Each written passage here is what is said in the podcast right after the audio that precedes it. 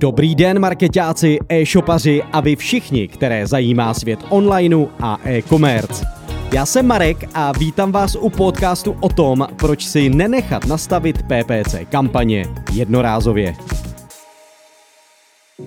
Tento podcast nebude úplně pozitivní, jelikož součástí každé práce jsou i náročné chvíle. Chci se s vámi proto podělit o zkušenosti s klienty, se kterými jsem se nadřel a které bych označil jako problematické. Letos jsem měl pár spoluprací, které byly neobvykle krátkodobé. Problém ovšem nespočíval v tom, že by klienti nebyli spokojeni s dodanými službami či dosaženými výsledky. Nýbrž si nechali kampaně nastavit jednorázově. A protože tyto služby v rámci PPC účtů standardně neposkytuji, asi vás zajímá, co se tedy přihodilo. Jak probíhá spolupráce?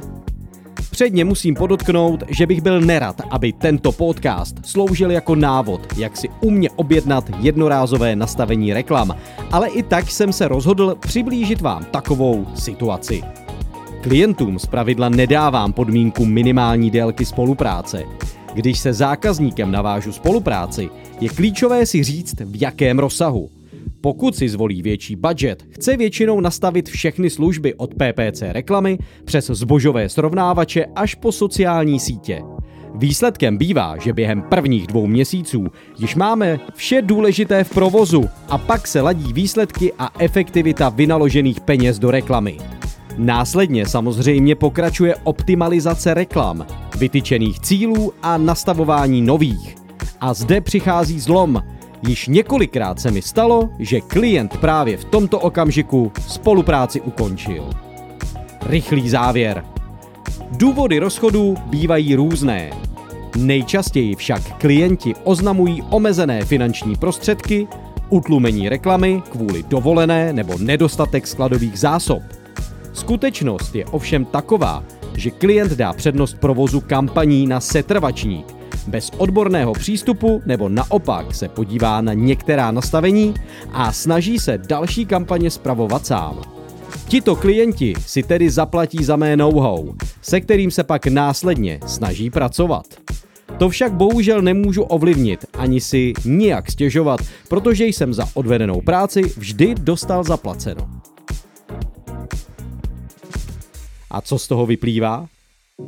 Rozhodně po naučení, ne však pro mě, ale zejména pro druhou stranu. Klientův postup sice není úplně férový, ale je potřeba pochopit, že on přebírá nad účty kontrolu a je odpovědný za rozpočet a další investice do reklamy.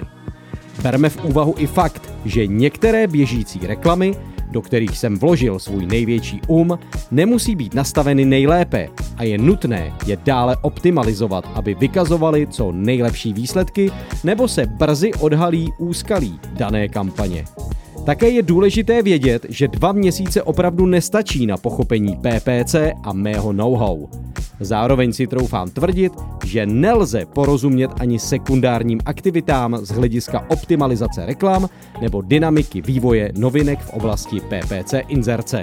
Závěrem chci tedy zhrnout, že podobné smyšlení je velmi neuvážlivé a je dost pravděpodobné, že další peníze investované do takového setrvačného běhu budou částečně vyhozené.